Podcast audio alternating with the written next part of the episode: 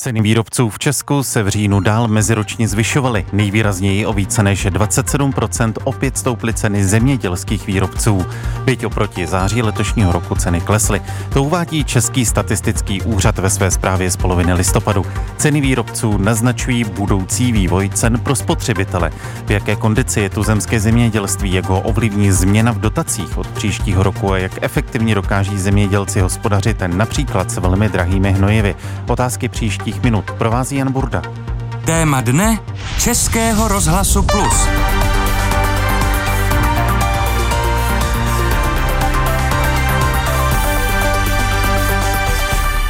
Zemědělci v celé Evropě se potýkají s růstem cen hnojiv a jejich nedostatkem. I proto ministr zemědělství Zdeněk Nekula z KDU ČSL v pondělí uvedl, že jeho rezort chce mimo běžné dotační tituly podpořit i efektivnější hospodaření. Ministerstvo zemědělství v příštích třech letech rozdělí 251 milionů korun mezi projekty, které se zaměří mimo jiné na snížení spotřeby pesticidů nebo hnojiv. A lidoveckého ministra zemědělství Zdeňka Nekulu teď vítám ve vysílání. Dobrý den po telefonu. Dobrý den, dobré ráno. Pane ministře, v jaké kondici obecně jsou čeští zemědělci v době zdražování energií, hnojiv a inflace? Tak v současné době i na české zemědělce dopadají rostoucí ceny energií, hnojiv a pohonných hmot. My za ministerstvo zemědělství dlouhodobě sledujeme vývoj ve všech eh, segmentech českého zemědělství ale i potravinářství. A uvědomujeme si vlastně tu současnou složitou dobu a nejsme jenom u toho, že pozorujeme, sledujeme, ale už vlastně realizujeme konkrétní účinná opatření a ty dělíme do dvou oblastí, do krátkodobých i dlouhodobých. Z těch krátkodobých, abych ve stručnosti připomenul, do konce září jsme vyplatili mimořádnou pomoc eh, pro české zemědělce ve výši 831 milionů korun a to směřovalo zejména k chovatelům prasat, drůbeže, dojnic, pěstitelům brambor a jablek. Je to v podstatě jakási náhrada a pomoc za zvýšené ceny energií, krmiv, hnojiv a v podstatě ten eh, následek, co vyvolala eh, ruská agrese na Ukrajině a vlastně dominovým efektem to dopadá i na české zemědělce. Dále nad rámec tady této pomoci vlastně v současné době přes PGRLF, což je podpůrný a garanční rolnický a lesnický fond, malým a středním zemědělcům, ale i potravinářům postupně vyplácíme v současné době dalších 750 milionů korun.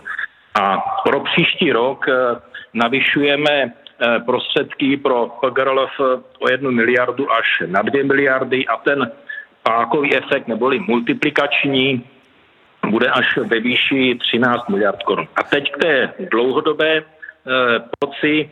Eh, eh, v současné době už jdeme do finále se schvalováním eh, nového strategického plánu společné zemědělské politiky. Předpokládáme, že bude během několika dní schválen v Bruselu a co je pro české zemědělce zásadní, tak bude tam vyšší míra kofinancování ze strany českého rozpočtu 65 Eh, což znamená proti stávající podobě asi o 5 miliard korun navíc. Jenom pro srovnání, na Slovensku ta míra kofinancování je necelých 37%. To znamená, čeští zemědělci z tohoto pohledu budou v příštích pěti letech eh, dostávat eh, výrazně více prostředků než například sousedé na Slovensku. Ano. Jsou tuzemští zemědělci dostatečně konkurenceschopní ve srovnání s farmáři z jiných zemí Evropské unie? Případně změní se jejich konkurenceschopnost, až vejde v platnost to, co jste právě popsal, tedy i ta nová evropská zemědělská politika? Eh, ta nová společná zemědělská politika platí a bude platit pro všechny eh, členské státy Evropské unie. Samozřejmě jsou drobné niance mezi jednotlivými strategickými plány, ale v podstatě ten celoevropský eh, směr je o tom, aby zemědělci hospodařili v krajině šetrněji a současně, aby byl zajištěn dostatek potravin ale e, samozřejmě e, jednáme o tom e, neustále a pravidelně. I včera v Bruselu pod naším vedením zasedala Rada ministrů zemědělství a opět jsme řešili například dostupnost hnojiv a dostupnost za přijatelné ceny. Ten nový způsob dotování z Evropy od roku 2023 kritizovaly velké zemědělské svazy v Česku. Nebudou tyto problémy, o kterých mluvíme, které popisujete, vyžadovat ještě nějaká další řešení? Ptám se na to, zdali je na změnu financování vhodná doba. Uh, máme tady, uh, to řekl jednodušeně, Eh, zadání od eh, veřejnosti i od české veřejnosti, aby české zemědělství nebo celoevropské zemědělství eh, šetrněji hospodařilo v krajině. A my jsme to opět řešili i včera v Bruselu můžeme jít a chceme jít cestou takzvaného precizního zemědělství, kdy e, dokážeme aplikovat méně pesticidů, méně průmyslových hnojiv a přitom zachovat či dokonce e, částečně zvýšit e, hektarové výnosy u plodin. Jo? To znamená, že ty e, pesticidy i ty průmyslová hnojiva budou aplikovány cíleněji, přesněji, dojde k ekonomické úspoře na straně zemědělců a na druhé straně budeme méně chemie, eh, řeknu, používat v zemědělství a méně chemie se nám bude dostávat eh, do potravin. To znamená, přes to před precizní zemědělství dokážeme eh, mít vícenásobný efekt. Pane ministře, spotřebitelé, tedy v případě potravin a zemědělských produktů, vlastně nás všechny zajímá také cena produktů. Eh, odrazí se ta nová kritéria pro zemědělské dotace v konečné ceně potravin a případně eh, podle vašich informací jak? Eh, ta nová společná zemědělská politika by se neměla přímo odrazit v cenách potravin. To, co se projevuje v současné době v rostoucích cenách potravin, je vlastně nárůst eh, cen elektrické energie, plynu a ono se nám to vlastně řetězově promítá do průmyslových hnojiv. Například e, zemědělci i potravináři mají e, prostě vyšší náklady elektrické energie a plynu. Bohužel se nám to pak promítá ve finále i do těch vyšších cen potravin. Takže já jako ministr zemědělství e, nastavuji pravidla hry, abychom měli dostatek potravin, ale e, jako ministr zemědělství neoblivním cenu elektrické energie a plynu. Zdeněk Nekula z KDU ČSL, ministra zemědělství. Děkuji vám za rozhovor. Hezký den. Také děkuji a přeji hezký den. Zemědělský svaz společně s agrární komorou letos si několikrát upozorňovali, dokonce protestovali proti strategickému plánu společné zemědělské politiky Evropské unie, který nastavuje pravidla dotací pro období mezi lety 2023 až 2027. Proto ve vysílání vítám Jana Doležela, prezidenta agrární komory České republiky. Dobrý den. Dobré ráno. Vaše výhrady k systému dotací od nového roku trvají nebo se něco alespoň částečně změnilo? Eh, tak eh, ten eh, základní rozpor, který jsme, tam vnímali, to znamená, že tady jak se existuje taková vyšší společenská objednávka, větší požadavky na zemědělce, vyšší omezení a zároveň se v podstatě snižují zemědělské podpory, protože ty vlastně zůstávají v tom evropském rozpočtu stejné jako v roce 2014 a to vlastně pořád zůstává.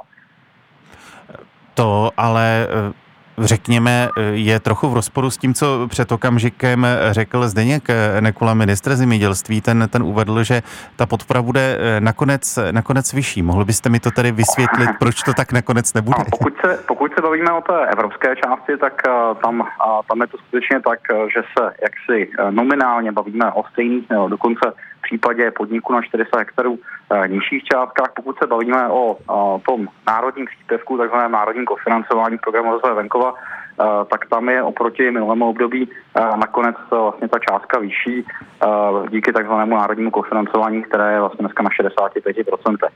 Vy jste řekl, že jsme na začátku roku nějakým způsobem protestovali proti nastavení nových pravidel a právě tedy původní závazek vlastně dnešní vlády toto kofinancování nastavit na 35% byl jeden, jedním z těch problémů, které, které, na které jsme upozorňovali. Teď jsme na 65%, což by mohlo částečně alespoň některé věci kompenzovat. Jak vaše hospodaření, teď myslím tedy vašich členů, změní to nové nastavení evropských dotací? Bude to mít, řekněme, nějaký dlouhodobější dopad i na ceny finálních produktů? Tak součástí té reformy je vlastně takové povinné uvedení do klidu nebo takzvané jaksi vyčlenění tzv. mimoprodukčních ploch nebo neprodukčních ploch. Zatím se bavíme v příštím roce o 4% hodné půdy s výhledem až na 8 a 10%, respektive 8 v roce 2027, 10% v roce 2030. To znamená, na těchto 10% zemědělci vlastně nesmějí cokoliv produkovat a uvádět to jakýmkoliv způsobem na trh. To znamená, tady se můžeme bavit o tom, že pravděpodobně dojde k snížení nabídky na trhu, a to nejenom v České republice, ale v celé Evropě, a bude to mít druhotný efekt samozřejmě na cenu potravin. Jak se díváte na snahu snížit množství používaných pesticidů a hnojiv i vzhledem k ceně, ale samozřejmě vzhledem k ekologickým dopadům? O tom mluvil také ministr zemědělství Nekula. Tak eh, Česká republika patří, eh, dá se říct, eh, dlouhodobě k takovým premiantům, co se týče snižování a použití přípravků na ochranu rostlin nebo celkově tady k jejich nízké spotřebě. Myslím, že poslední data Eurostatu hovoří o nějakých 1,4 kg účinné látky na hektar a je tady spousta členských států, kteří se pohybují kolem nějakých 6-8 kg. To znamená, pokud by Evropská unie určovala nějaké společné redukční cíle, a mělo by to být nastaveno spravedlivě, tak by Česká republika vlastně měla mít už splněno. A to tak vlastně podle uh, to, toho současného návrhu částečně vypadá. Uh, nicméně zároveň, uh, tak jak mám tu debatu, tak se bavíme o úplném zákazu použití přípravků na ochranu rostlin v některých, některých oblastech a to by mohl být samozřejmě problém, pokud vedu jako příklad Vysočina, Eh, kde eh, pokud bychom třeba nemohli používat přípravky, které jsou určeny eh, k, k ochraně brambor, tak to samozřejmě bude znamenat velký zásah do soběstačnosti České republiky, co se týče brambor. Je to zemská zemědělská výroba za současných podmínek, teď myslím energie, cena hnojiv, pracovní síla, je konkurenceschopná a bude konkurenceschopná i po novém roce? No, v příští roku musím říct, že máme velké obavy, protože v tomto roce eh, byla jaksi eh, cena vstupů eh, ještě relativně, tedy kromě samozřejmě elektrické energie, ale pokud se bavíme třeba o osivech, pohoných mutách, pokud se bavíme o minerálních hnojivech, tak byla ještě aspoň na začátku roku přijatelná, nebo respektive zemědělci třeba měli nějaké zásoby, postupně jim si zásoby vlastně v průběhu roku dokázali. Nicméně teď se můžeme dostat do situace, kdy eh, jak se tady bude určitá setrvačnost, co se týká eh, cen těchto vstupů. A naopak může na světových trzích docházet eh, k poklesu cen zemědělských komodit. To znamená, v příštím roce je dost pravděpodobné, že se mohou některé zemědělské podniky dostat do ztráty. My vlastně dneska, pokud se podíváme na to energeticky a, a celkově na vstup náročnější živočišnou výrobu, tak třeba v případě mléka se setkáváme s tím, že zemědělci vlastně jsou oslovováni, aby prodávali mléko třeba více do Německa, kde je eh, vlastně to, eh, jsou ty německé mlékárny schopny nabídnout vyšší cenu než mlékárny české. Popisuje Jan Doležel, prezident Agrární komory České republiky. Děkuji vám. Tak děkuji, nastanou. Asociace soukromého zemědělství začátkem listopadu vyzvala vládu k vytvoření zákona, který by podpořil rodinné farmy. V Maďarsku, kde byl podle asociace nový zákon přijatý předloní, mají rodinné farmy například prioritní přístup k zemědělské půdě i systém daní, který je vůči ním vstřícnější. V České republice dlouhodobě hospodaří kolem 30 tisíc zemědělských subjektů, z nichž 25 má podle asociace formu blízkou rodinnému hospodaření. K tématu dne se teď přidal Jaroslav Šebek z Asociace soukromého zemědělství. Dobrý den. Já vás zdravím, dobrý den.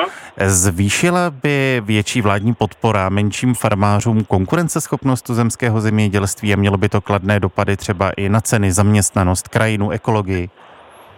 No já si myslím, že jednoznačně ano, protože samozřejmě, když se podíváme všude do světa a podíváme se všude do Evropy, tak, eh, tak tam vlastně uvidíme, že eh, eh, to zemědělství stojí právě na těch rodinných farmách, protože to jsou podniky, které jsou právě třeba pro, pro toto období válečné nebo dejme tomu covidové a tak dále, tak prostě jsou velmi, velmi odolné a jsou schopné se přizpůsobit, jsou prostě v rámci rodiny schopné si rozdělit nějak tu, nějak tu zátěž, nějak tu odpovědnost a prostě dokáží tyhle ty momenty kritické lépe překonat a samozřejmě se také vyznačují tím, že e, v případě těch rodinných farem nebo těch menších podniků je vyšší míra určitého zpracování té zemědělské produkce, protože to je ten největší problém českého zemědělství, protože my sice vyrábíme spoustu, spoustu produkce, dokonce se říká, že se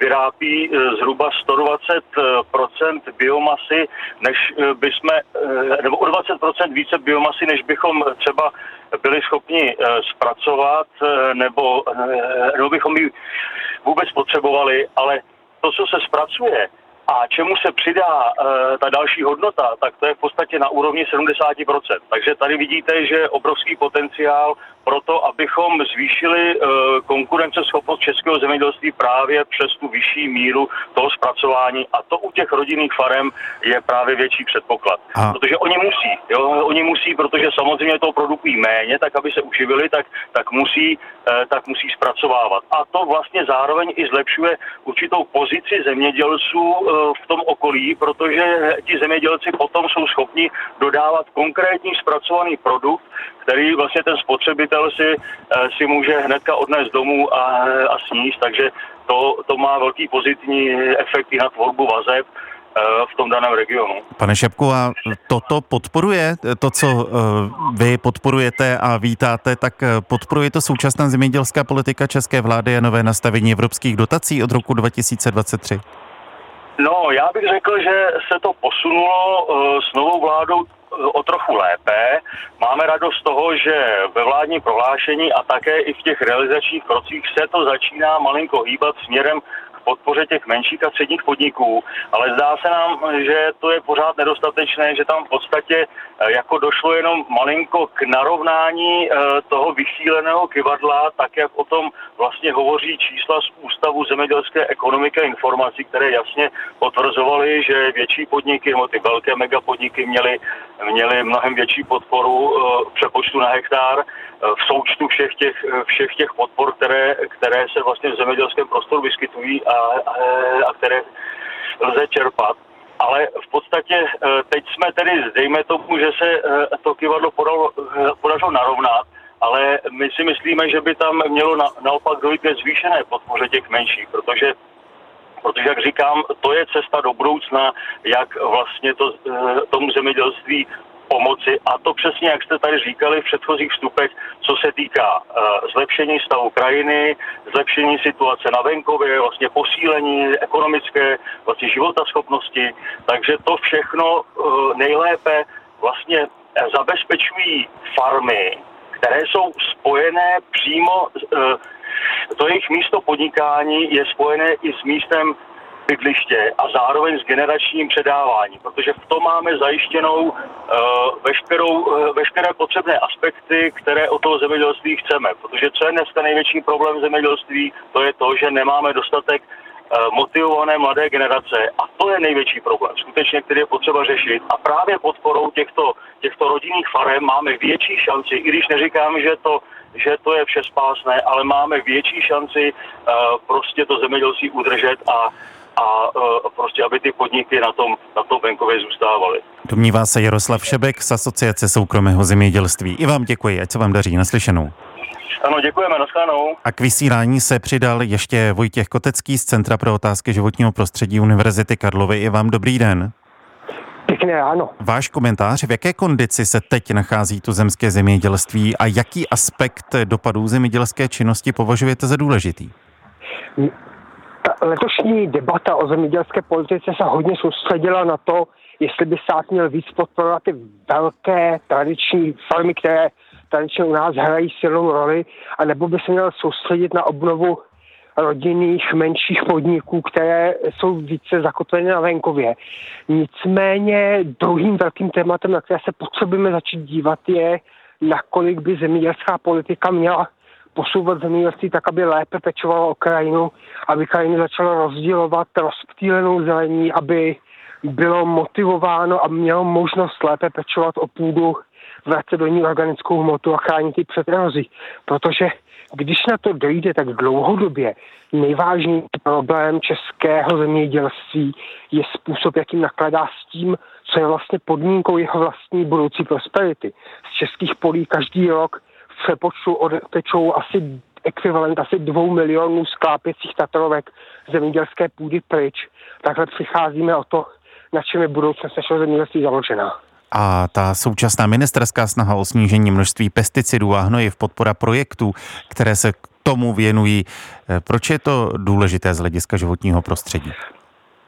Jeden ze dvou důležitých směrů, kterým by se stát měl vydat a je dobře, že se vydává. Investicemi do moderních nových technologií, které umožní zajistit tu stejnou zemědělskou výrobu s podstatně menšími vstupy, tím, že namísto, aby plošně aplikovali chemické látky, jako jsou právě syntetická hnojiva anebo pesticidy, tak umožní jejich cílené použití na konkrétních místech, kde jsou zrovna v tuhle chvíli potřeba podporuje ta, a bude podporovat eh, nová dotační eh, politika jak české vlády, tak od příštího roku Evropské unie právě tyto trendy, o kterých mluvíte, o kterých říkáte, že jsou eh, důležité nejenom z pohledu tedy zemědělské produkce, ale celkově ekologie a tvorby krajiny. Objevilo se v ní několik důležitých, zajímavých nových iniciativ, které by pomohly začít české zemědělství posouvat. Nicméně rozhodně to není tak, že bychom za pět let měli odpracováno a vyřešeno, až bude tenhle tohle kolo zemědělských dostí končit. V ten návrh spíše dělá nějaký dílčí krok k lepšímu, posouvá stav české krajiny, ale e, pořád ještě zbývá hodně práce. Dobrý příklad je právě to zavádění rozptýlené zeleně v krajině, které by mělo mimo jiné chránit půdu před odtékáním z polí a pomoci návratu živé přírody do krajiny, tak aby mělo dostatek opilovačů anebo třeba predátorů, kteří hubí škůdce e, tam vláda počítá s tím, že by chtěla výhledově, aby 10% zemědělské půdy tvořily právě ty drobné remísky, biopásy, meze, eh, a podobná opatření, která by oživovala krajinu. Nicméně ten současný návrh skutečně udělá nějaký krok k lepšímu, ale odhaduje se, že zajistí zhruba něco kolem 2%. Vojtěch Kotecký z Centra pro otázky životního prostředí Univerzity Karlovy. I vám děkuji, naslyšenou. Také děkuji, naslyšenou.